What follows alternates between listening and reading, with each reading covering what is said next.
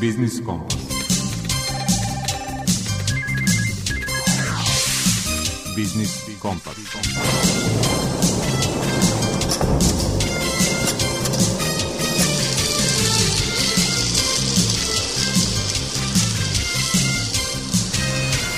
Pred mikrofonom je Đuro Vukilić.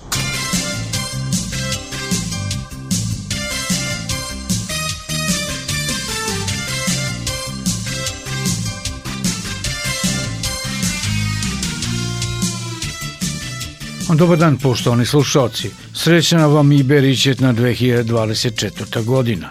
Da donese više novca sa kojim ćete uspešnije savladavati ekonomske izazove ili, jednostavnije rečeno, lakše sastavljati kraj sa krajem.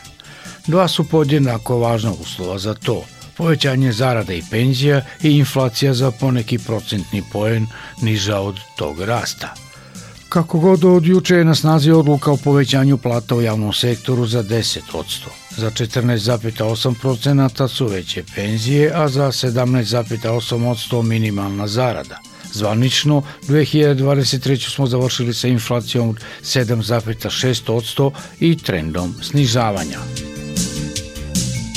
Primetili ste, verujem, iz ovih uvodnih reči da će današnji biznis kompost biti drugačiji od onog na koji smo godinama navikli – izostaće stalne rubrike, ne i zanimljivi sadržaji. U prvom delu emisije čućete razgovor sa specijalnim savjetnikom u Fiskalnom savjetu Srbije Slobodanom Minićem o aktuelnim ekonomskim kretanjima u godini iza nas i procenama za 2024. godinu. Drugi deo biznis kompasa rezervisan je za stavove sindikalista, ekonomista, privrednika i zvaničnika u aktualnom ekonomskom trenutku zemlje i poslovnim planovima. I pre toga minuti rezervisani za muziku.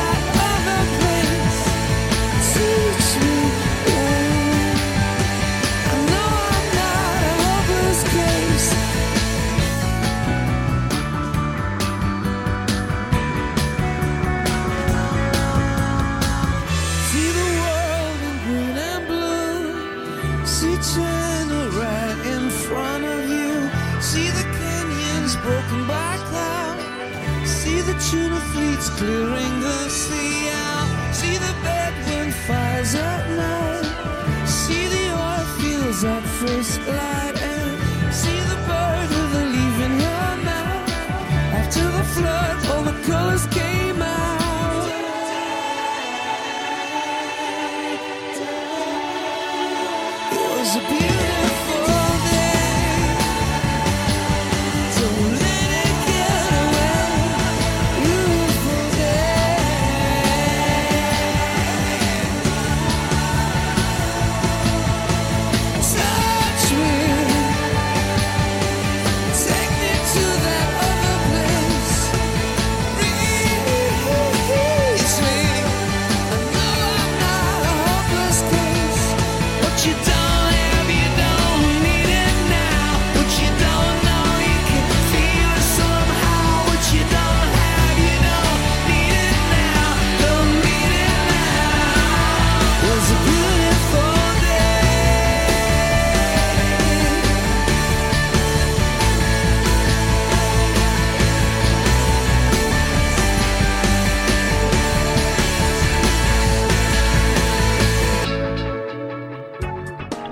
Kompas.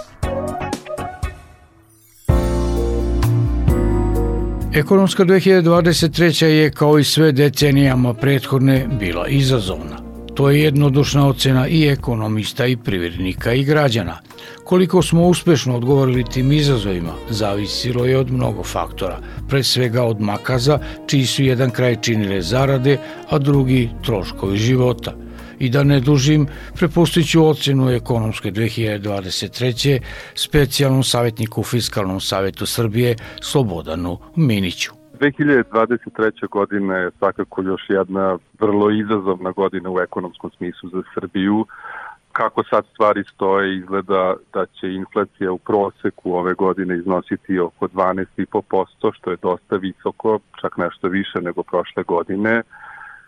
Privredni rast će biti relativno nizak, verovatno ispod 2,5% ove godine, a što se tiče fiskalnih kretanja, čini se da bi fiskalni deficit mogao da bude nešto niži od planiranih 2,8% bruto domaćeg proizvoda. Kako trenutno stvari stoje pred kraj godine, to bi moglo da bude nešto preko 2%, što je u principu dobar rezultat i donekle očekivan, s obzirom da smo videli da su neke stvari bile malo i prebudžetirane kad je pravljen rebalans u septembru.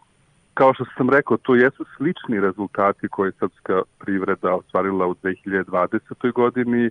Ono što je malo, recimo, ohrabrujuće da ipak ove godine beležimo i to neko poboljšanje trendova kako se godina odvijala. Inflacija je u opadanju, recimo, od marta i dalje je visokih to 8% koliko je iznosilo u novembru, po čemu smo evropski rekorderi zapravo a bruto domaći proizvod ipak vidimo ubrzanje postepeno iz kvartala u kvartal. To znači da iako su recimo ekonomske kretanje bila možda jednako slaba kao prošle godine, ipak u sledeću godinu ulazimo sa nešto pozitivnim tendencijama. Kada govorimo o budžetskom deficitu, Podsjetit ću slušalce da je Fiskalni savjet u više navrata sugerisao monetarnim i fiskalnim vlastima da povedu računa o selektivnosti isplata e, raznim kategorijama građana, kao i da se više vodi računa o dotacijama javnim preduzećima. Šta je u tome učinjeno i da li je sve to moglo da ovaj deficit učini još manjim? Upravo tako, znači govorili smo to praktično veći deo godine, iako je ovaj ukupni deficit će izgleda biti nešto manji nego što je planirano iz tog makroekonomskog ugla, posebno iz ugla ove visoke inflacije, bilo je sporno to što imamo pa praktično od juna više puta su predstavnici vlasti uvodili neke nove te isplate koje se direktno slivaju potrošu. Da podsjetimo, bilo je to i vanredno povećanje i penzije i zarada i podela sredstava po 10.000 deci, 20.000 penzionerima, a, to su iz ugla makroekonomske politike po našem mišljenju bile sporne mere jer podgrevaju i, i inače visoku inflaciju, a posebno je problem što nisu ni selektivne, zbog toga su to skupe mere i u principu ne pomažu dovoljno onim najugroženijim, a koštaju budžet mnogo. Tako da to je i bila neka glavna zamjerka. Uprkos neko nešto nižem deficitu, sama struktura tih rashoda nije bila najprimerenija ekonomskoj situaciji u kojoj se Srbija trenutno nalazi.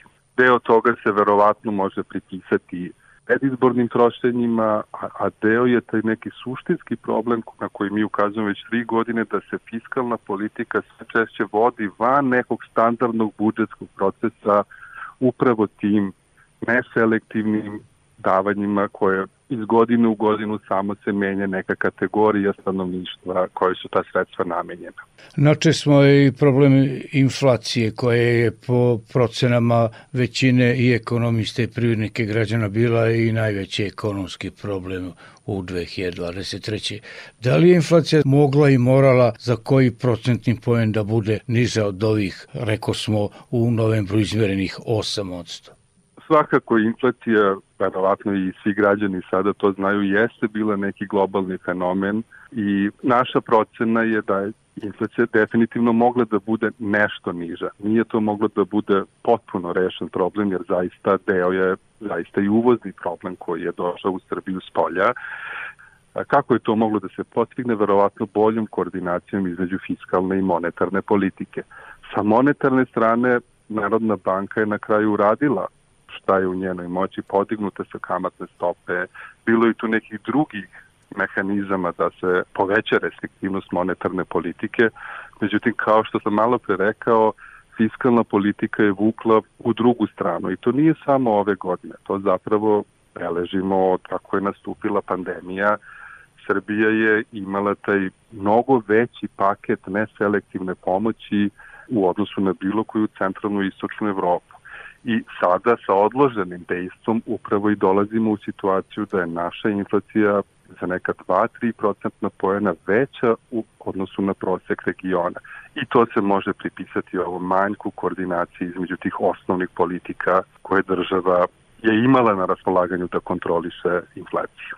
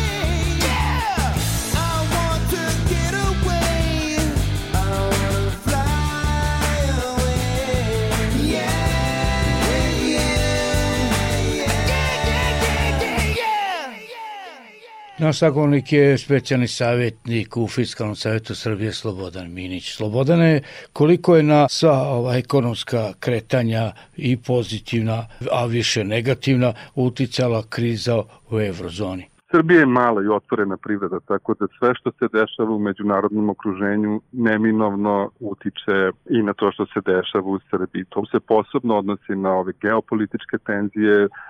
Prvo je to bio rat u Ukrajini, sada imamo sukob i na Bliskom istoku. Imamo problem sa niskim rastom ključnih zemalja eurozone. Za nas su to recimo Nemačka i Italija zbog jakih i trgovinskih veza i veza u smislu tokova kapitala, njihov nizak rast definitivno usporava i koči zapravo i privredni rast Srbije. I upravo to međunarodno okruženje nosi i glavni rizik šta će biti sledeće godine. Zbog toga su sve prognoze koje mi trenutno imamo dosta, imaju veliku dozu neizvesnosti. Nije isključeno da će ovi geopolitički konflikti da možda ponovo nepovoljno utiče na cene energenata, cene drugih sirovina, što bi moglo da utiče i na to da inflacija usporava manje nego što trenutno očekujemo, a isto tako i ta spoljna tražnja koja treba da pogura privredni rast bi mogla da bude manje ukoliko ne vidimo povoljnije kretanje recimo u, u eurozoni. Osim rizika, ono što se izgleda dešava već krajem ove godine, a moguće i početkom sledeće, ima i nekih pozitivnih tendencija. Čini se recimo da inflacija u eurozoni opada strže nego što se ranije mislilo i to bi moglo recimo da se prelije da Evropska centralna banka i američki Fed počnu pre da režu kamatne stope koje su na istorijski dosta visokom nivou, a to bi moglo onda pozitivno da se odrazi na, na kretanje u Srbiji. Koliko će i da li će kriza u eurozoni, o čemu ste sve govorili, uticati na priliv stranih direktnih investicija? Prema proceni Saveta stranih investitora, nivo stranih direktnih investicija biće negdje najmanje kao i prošle godine, s tim da je neto priliv za 30 procenata manji. Kako to komentarišete? U suštini slažemo se sa tim da je ove godine priliv stranih direktnih investicija bio dosta veliki, možda čak blago iznad nekih prethodnih očekivanja.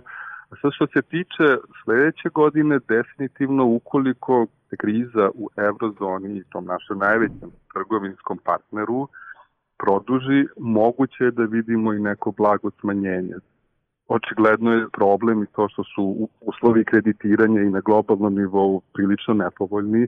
Kapital koji bi eventualno trebalo da dođe u Srbiji sada dosta skuplji nego pre nekoliko godina, tako da neko blago usporavanje stranih direktnih investicija se može očekivati, ali za sad stvarno je teško proceniti imajući vidu sve ove rizike koliko bi to moglo da bude recimo slabije nego ove godine. Koliki su rizici po pitanju zaduženosti zemlje? U suštini, sa dugom od preko 50% bruto domaćeg proizvoda, Srbija je relativno zadužena zemlja. To nije malo, jeste manje od onih najrazvijenijih, ali za zemlju našeg razvoja nije mali dug.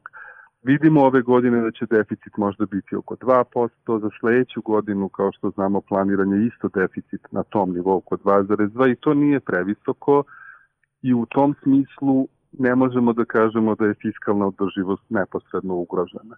Problem svakako predstavlja to što su kamatne stope skočile i biće izgleda visoke naredne par dve, tri godine, šta god da se desi umeđu vremenu i očekujemo zbog toga prilično snažan rast kamatnih stopa, odnosno izdataka za kamate, što će biti jedan od glavnih nepovoljnih fiskalnih trendova u naredne dve, tri godine.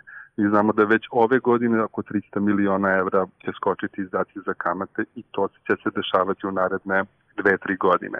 Dakle, ne bih rekao da postoji rizik od izbijanja neke krize, naš dug nije toliko veliki, ali postaje sve skuplji, zbog čega je to dodatni pritisak da probamo da ga što pre smanjimo nešto o čemu bi svakako trebalo da povedemo računa.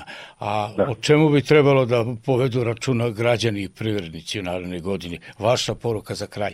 A neka glavna poruka i za privredu i građane da budu strpljivi kako sad stvari stoje, može se očekivati dalje usporavanje inflacije.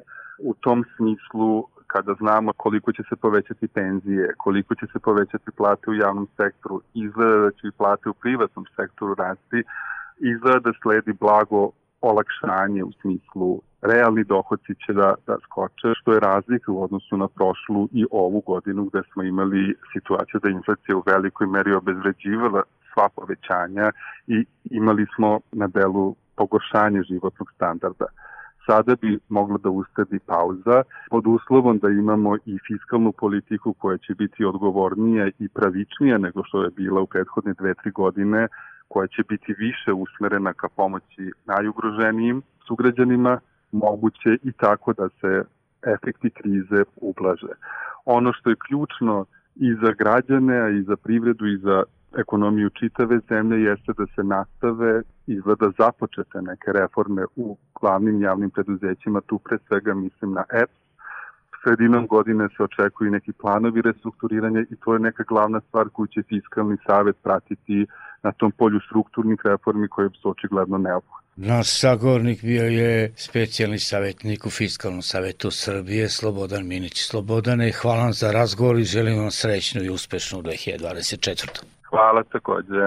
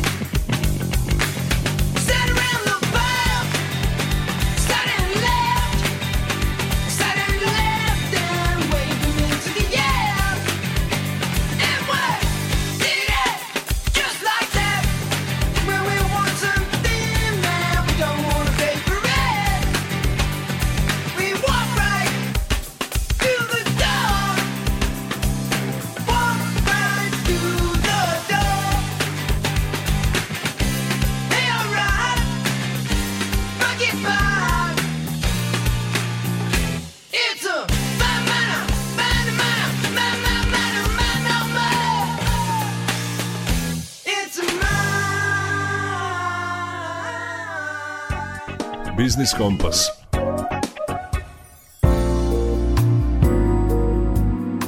Rekao smo u uvodu od 1. januara su povećani minimalna cena rada za 17,8%, penzije za 14,8% i plate u javnom sektoru za 10%. Što redovno, što vanredno, plate i penzije su povećavane više puta i u 2023. godini. O dometima tih mera predsjednik Saveza samostalnih sindikata Vojvodine Goran Milić kaže. Kad vidimo da je minimalna zarada ispod vrednosti minimalne potrošačke korpe, a da je 350.000 ljudi na minimalnoj zaradi, to samo za sebe govori otprilike, otprilike gde smo i šta smo. Svuda u Evropi, odnosno u svetu, ne postoji minimalna zarada kao bitna stvar. Postoji ta e, medijalna zarada. Medijalna koja uključuje normalan život, plaćanje svih računa, odlazak ne znam, u pozorište, u bioskop, voženje auta, školovanje deteta sa mogućnostu da se 10% uštedi. Znači, ne da se ti obogatiš, ne, ili da, da izvoljavaš od života pa ćeš sad e, svaki dan da sedneš na avion pa ideš na ručak u, u, u Cirih. Ne, ne. Normalan život koji ti omogućava 10% za neke nepredviđene stvari koje se svima nama dešavaju mesečno. E kad do tog dođemo, mi smo onda e, zemlja koja nema ekonomski problem. Pa ja mislim da smo mi, nažalost, većina, većina da se ogradim, da smo mi mnogo daleko, jer činjenica je da 70% radnika Srbije ne dopire do, do 85.000 kolika je, kolika je bila prosječna zarada u Srbiji. 70%.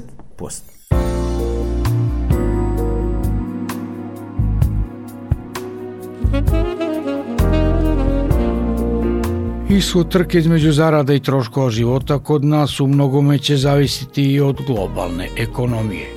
Poskupljenja hrane i energenata, da kako i novca, neočekivano lako pronalaze put i do džepa potrošača koji ne obraća pažnju na vesti iz svetske ekonomije. Rizici za oštravanje ekonomske krize u 2024. ponajviše dolaze iz geopolitičke sfere, a manje iz ekonomije, tvrdi profesor sa Beogradskog ekonomskog fakulteta Đorđe Đukić. Najveći izazove biće u geopolitičkoj sferi, ja bih rekao, vezano za područje eurozone, pa normalno i za nas, jer smo ovde u Evropi, to je dalje ponašanje cena inputa, pre svega mislim na energente i e, cene metala i ostalih repromaterijala. Sada su vrlo, vrlo pozitivni izgledi zato što dolazi do sporavanja privredne aktivnosti u Kini, neko će reći zašto u Kini, pa bitno je, znate, ali oni mnogo toga diktiraju kad je reč o traži na svetskom tržištu. Tako da ja očekujem na bazi podataka sada dostupnih, to je da pritisci inflatorni sa te strane neće dolaziti u bliskoj budućnosti, znači ne i od strane hrane, ne i od strane pre svega metala i drugih inputa, uključujući vidite energente, tako da jednostavno optimizam s te strane jako, jako prisutan. Međutim, svaki geopolitički šok koji može da preokrene tu situaciju nešto na što se mora uvek računati, pri čemu možda je donekle olakšavajuća okolnost skorija izbori u SAD-u da jednostavno po pravilu se situacija smiruje oči samo čina novembarskih izbora, jer niko ne želi tada da stvara napetu situaciju u svetu. E sada, to je sve nešto što je krajnje, krajnje neizvjesno i moramo mi ekonomisti biti krajnje obazrivi. Znači, na ekonomskoj strani čisto svi faktori idu u prilog tome da će inflacija u privredi eurozone biti još niža, ali da onaj ciljani nivo od nešto ispod 2% verovatno neće se postići ni do 2025. godine upravo zbog vrlo, vrlo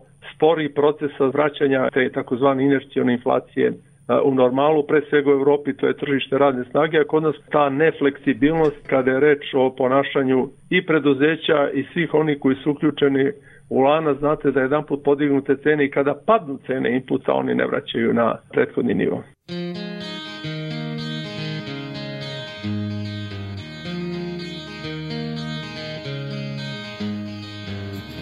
Could you whisper in my ear the things you wanna feel?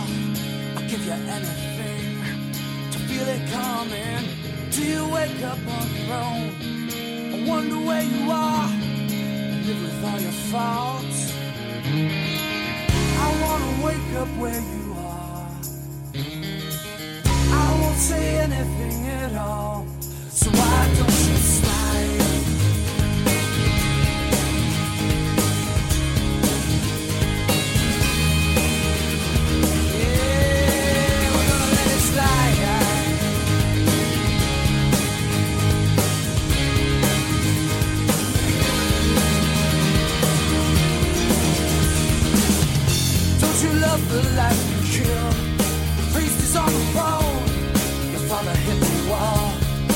I disowned you.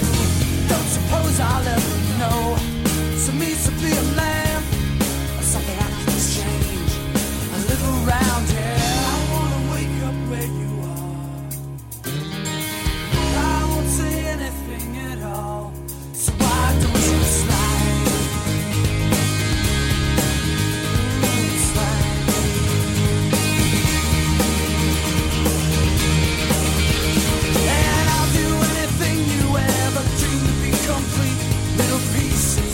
Phone. Your father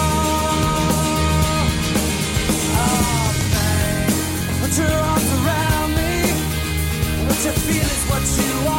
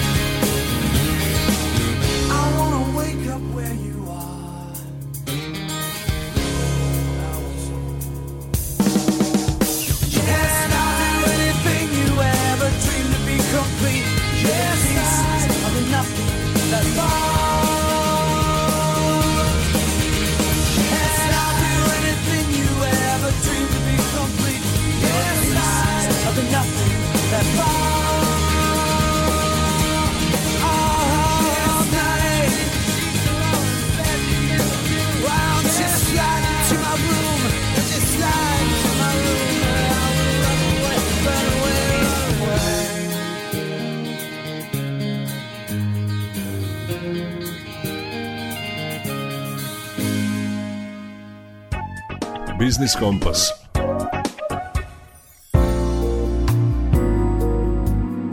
Nastavak reformi je put do stabilnog i predvidivog poslovnog ambijenta. To je preduslov da zadržimo, a zašto da ne i povećamo obim stranih direktnih investicija. One će, kako se procenjuje, i ove godine biti približne lanjskom rekordu 4 milijarde 400 miliona evra. O prioritetima u stvaranju povoljnijeg poslovnog ambijenta izvršni direktor Saveta stranih investitora Aleksandar Ljubić. Ono što se mi moramo baviti u narednim godinama, ja se iskreno nadam u jednom stabilnom okruženju neke nove vlade koja će trati punjen mandat, jer posjetio bi vas da evo poslednje četiri godine, mi smo imali tri puta izborne cikluse, koji ne idu na ruku reformama, što bi se reklo. Tako da mi očekujemo jedan stabilan, predvidljivi period u naredne četiri godine. Očekujemo da se nastavi korporatizacija javnih preduzeća. Ove godine je vlada počela sa time, da kažemo, započeti skoro okočan postup koji se odnosi elektroprivreda, ali to nije jedino preduzeće u javnom sektoru očekujemo da država istim tempom nastavi i što se ostalih preduzeća tiče. Takođe, ove godine očekujemo i oboljšanje nekih zakona koje smo imali, recimo imali smo zakon o radu koji je poslednji put promenjen 2014. godine, a umeđu vremenu imali smo koronu, imali smo neke potpuno nove oblike rada, kao što je rad od kuće, rad na daljinu i neke mnoge druge stvari, tako da očekujemo ubrzanje reformi. Srbija je duboko zavisna ekonomija od evropske ekonomije i mi smo deo tog evropskog sistema, I ono što je očekujemo u narednom periodu jeste implementacija ovog projekta plana rasta Evropske unije gde se planira da se Srbija, ali ne samo Srbija, nego i sve zemlje Zapadnog Balkana priključe jedinstvenom tržištu i ja mislim da je to jedan veliki, velika šansa za Srbiju, za sve zemlje regiona da ubrzaju svoj ekonomski rast i da sustignu evropske zemlje i samim tim pokažu da su neodvojivi deo evropske porodice. Ako pogledate strukturu stranih investitora, vi ćete, vi ćete vidjeti da se ona menjala tokom godina. Kada jedna zemlja postane prihvatljiva za strane investitore, stabilna, predvidiva, ona samim tim i privlači sve veći broj investicija. Ono što je jedini limit, da kažem, u tome jeste dostupnost radne snage. Mi dalje vidimo poprilično veliki odliv stanovništva iz Srbije, ali ne samo iz Srbije, nego i ostalih zemalja u regionu i to je ono što može jedino da predstavlja neki naš ograničujući faktor u budućnosti jeste da dostupnost radne snage i da vi jednostavno više nećete imati dovoljno radnika da rade u fabrikama, ne samo stranim, domaćim, nego uopšte. Mi kada govorimo o stranim investitorima moramo razumeti jednu stvar, to su domaći investitori, to su strani investitori koji su investirali u Srbiji i otvorili lokalne fabrike. Tako da Mi vrlo često govorimo o stranim investitorima, a uvek se osjećamo kao deo domaćeg privrednog ambijenta, jer znate kako privrede su spojeni sudovi. Ne može nekom da bude dobro, a nekom drugome da bude loše. Znači, apsolutno govorimo o stranim investicijama, stranim bankama, domaćim bankama, e, stranim privrednim subjektima, lokalnim domaćim privrednim subjektima, oni svi zajedno čine jedan integralni deo koji se naziva srpska ekonomija.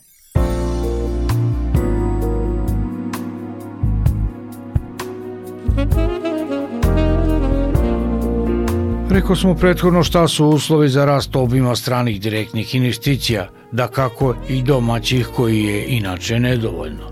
Deatnost koja je prethodnih godina privukla stotine miliona evra kapitala je turizam i upravo zahvaljujući tim ulaganjima turizam i u Vojvodini beleži rekordne rezultate u broju dolazaka i noćenja gostiju, tvrdi pokrajinski sekretar za privredu i turizam Nenad Ivanišević. Godina je bila odlična. Mi smo ponosni na rezultate posebno u turizmu. Godinu ćemo završiti sa rezultatom koji je bolji od prošle godine. Prošla godina je bila bolja od rekordne 2019. godine. Dakle, sve ono što smo ulagali godinama, to je bilo skoro 100 miliona evra, dakle 1500 podržanih preduzeća sa preko 10.000 zaposlenih, očigledno daje rezultat. I mislim da je ključna reč zajedno, jer mi evo sa Republičkim ministarstvom omlade i turizma krećemo u rekonstrukciju infocentra na, na Vencu, planiramo neke nove zajedničke projekte, dakle cela ideja jeste, evo sve ovo što smo do sada radili, da budemo brzi, efikasni i evo mogu da najavim da ćemo već u januaru raspisati sve konkurse koji su predviđeni za sledeću godinu, jer hoćemo da i sledeću turističku sezonu dočekamo još spremniji i da rezultat u 2024. bude bolji od rezultata u 2023. Izovi jesu da se mi sve više takmičimo sa razvijenim svetskim tržištima, posebno u oblasti turizma. Dakle, danas moderni turista može da bira gde će da putuje na svetu. Drago mi je što može da bira to iz Beograda, dakle Beograd je povezan sa celim svetom, ali mi se trudimo da zadržimo te ljude, da dovedemo nove strane turiste. Drago nam je što raste broj stranih turista, naravno ono što je važno jeste da smo mi već podržali Exit za sledeću godinu, podržali Tamburicu, Tamburica Fest za sledeću godinu i napravili jedan novi konkurs, a to je konkurs za kongrese, jer smo ove godine imali 6000 noćenja ljudi koji su dolazili na kongrese na teritoriji autorne pokre Vojvodine. Hoćemo da Vojvodinu, Novi Sad vratimo na kongresnu mapu cele Srbije, celog regiona, pomoće nam mnogo u tome izgradnja novih hotela koji se planiraju u Novom Sadu i to će biti svakako jedna od glavnih tema koju planiramo za sledeću godinu. Pre svega ženama, preduzetnicima želim da se osnaže, da se ohrabre, da krenu. Mi stvaramo okvire. Pokrin sektorija za prirodu i turizam ima otvorena vrata. Svaki predlog, svaka ideja, sve što privrednici i privrednice žele da ostvarimo, pozivam da nam pišu, da se jave i siguran sam da ćemo ostvariti zajedno.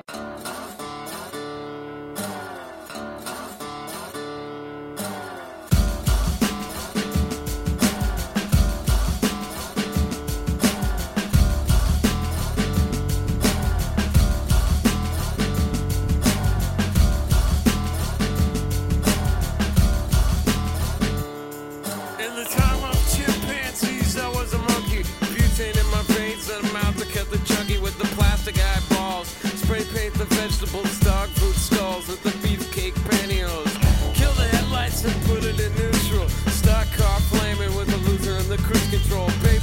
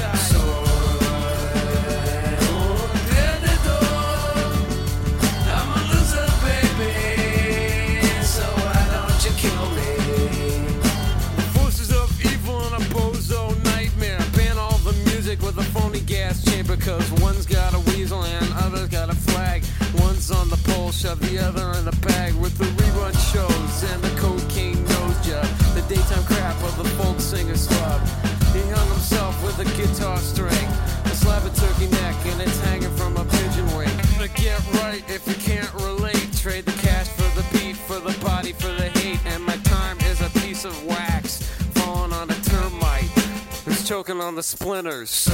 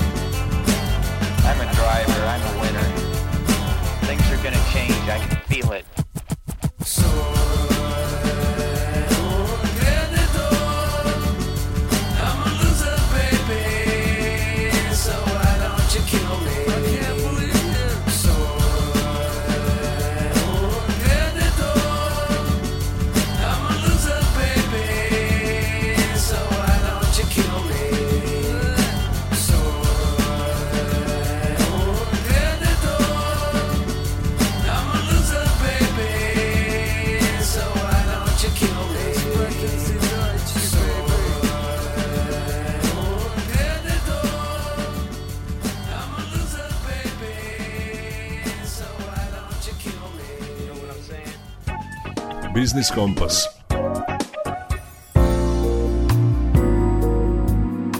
Energetika u vidu geostrateških izazova snabdevanju i cenama energenata, posebno sirove nafte, zaokuplja pažnju svetske javnosti posljednjih meseci.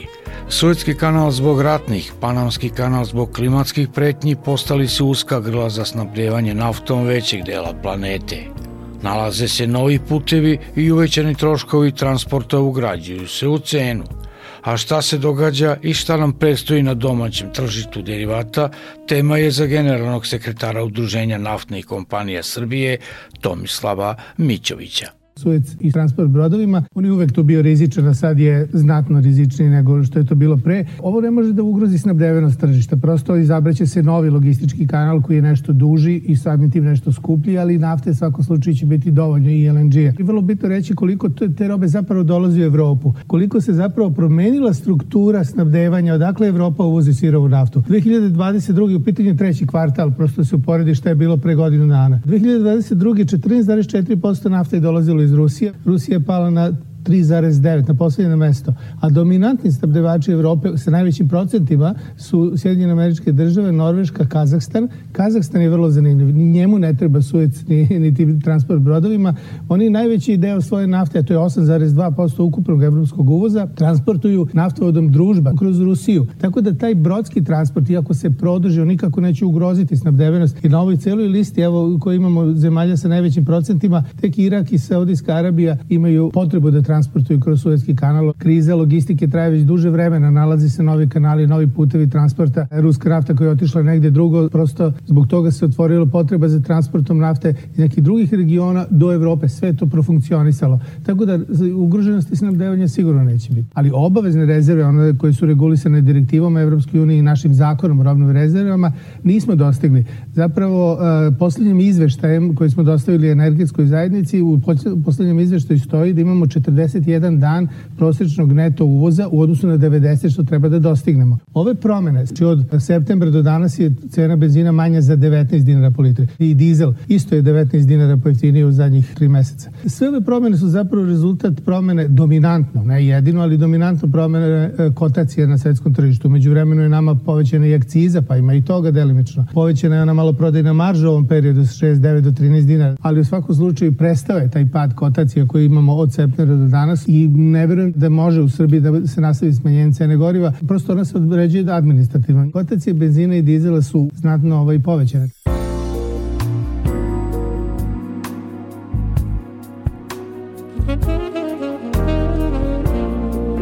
Energetska efikasnost je stalna tema naše rubrike Biznis, ekonomija, zapošljavanje ponedeljkom. Najčešće uz pomoć stručnjaka savjetujemo slušaoce kako da štednjom energije uštede i novac.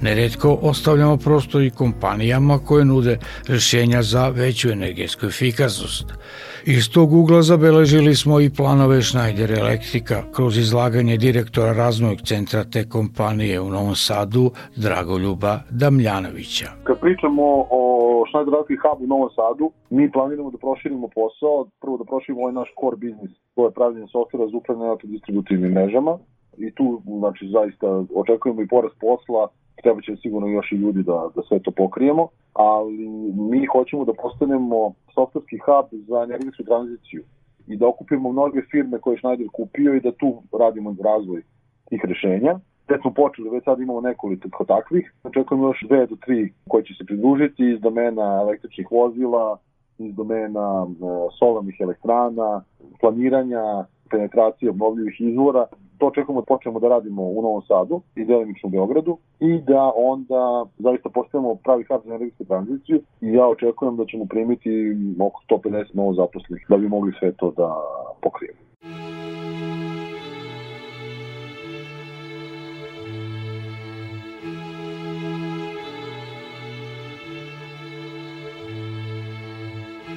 Stigao smo do kraja prvog ovogodišnjeg biznis kompasa – Naredni je tačno za 7 dana u isto vreme. Slušajte nas i odloženo na internet stranici Radio Televizije Vojvodine podcastu Odloženo slušanje. To vam poručuju muzički urednik Zoran Gajinov, tonmajstor Damjan Šaš i urednik emisije Đuro Vukjerić. Zdravi bili i čuvajte se.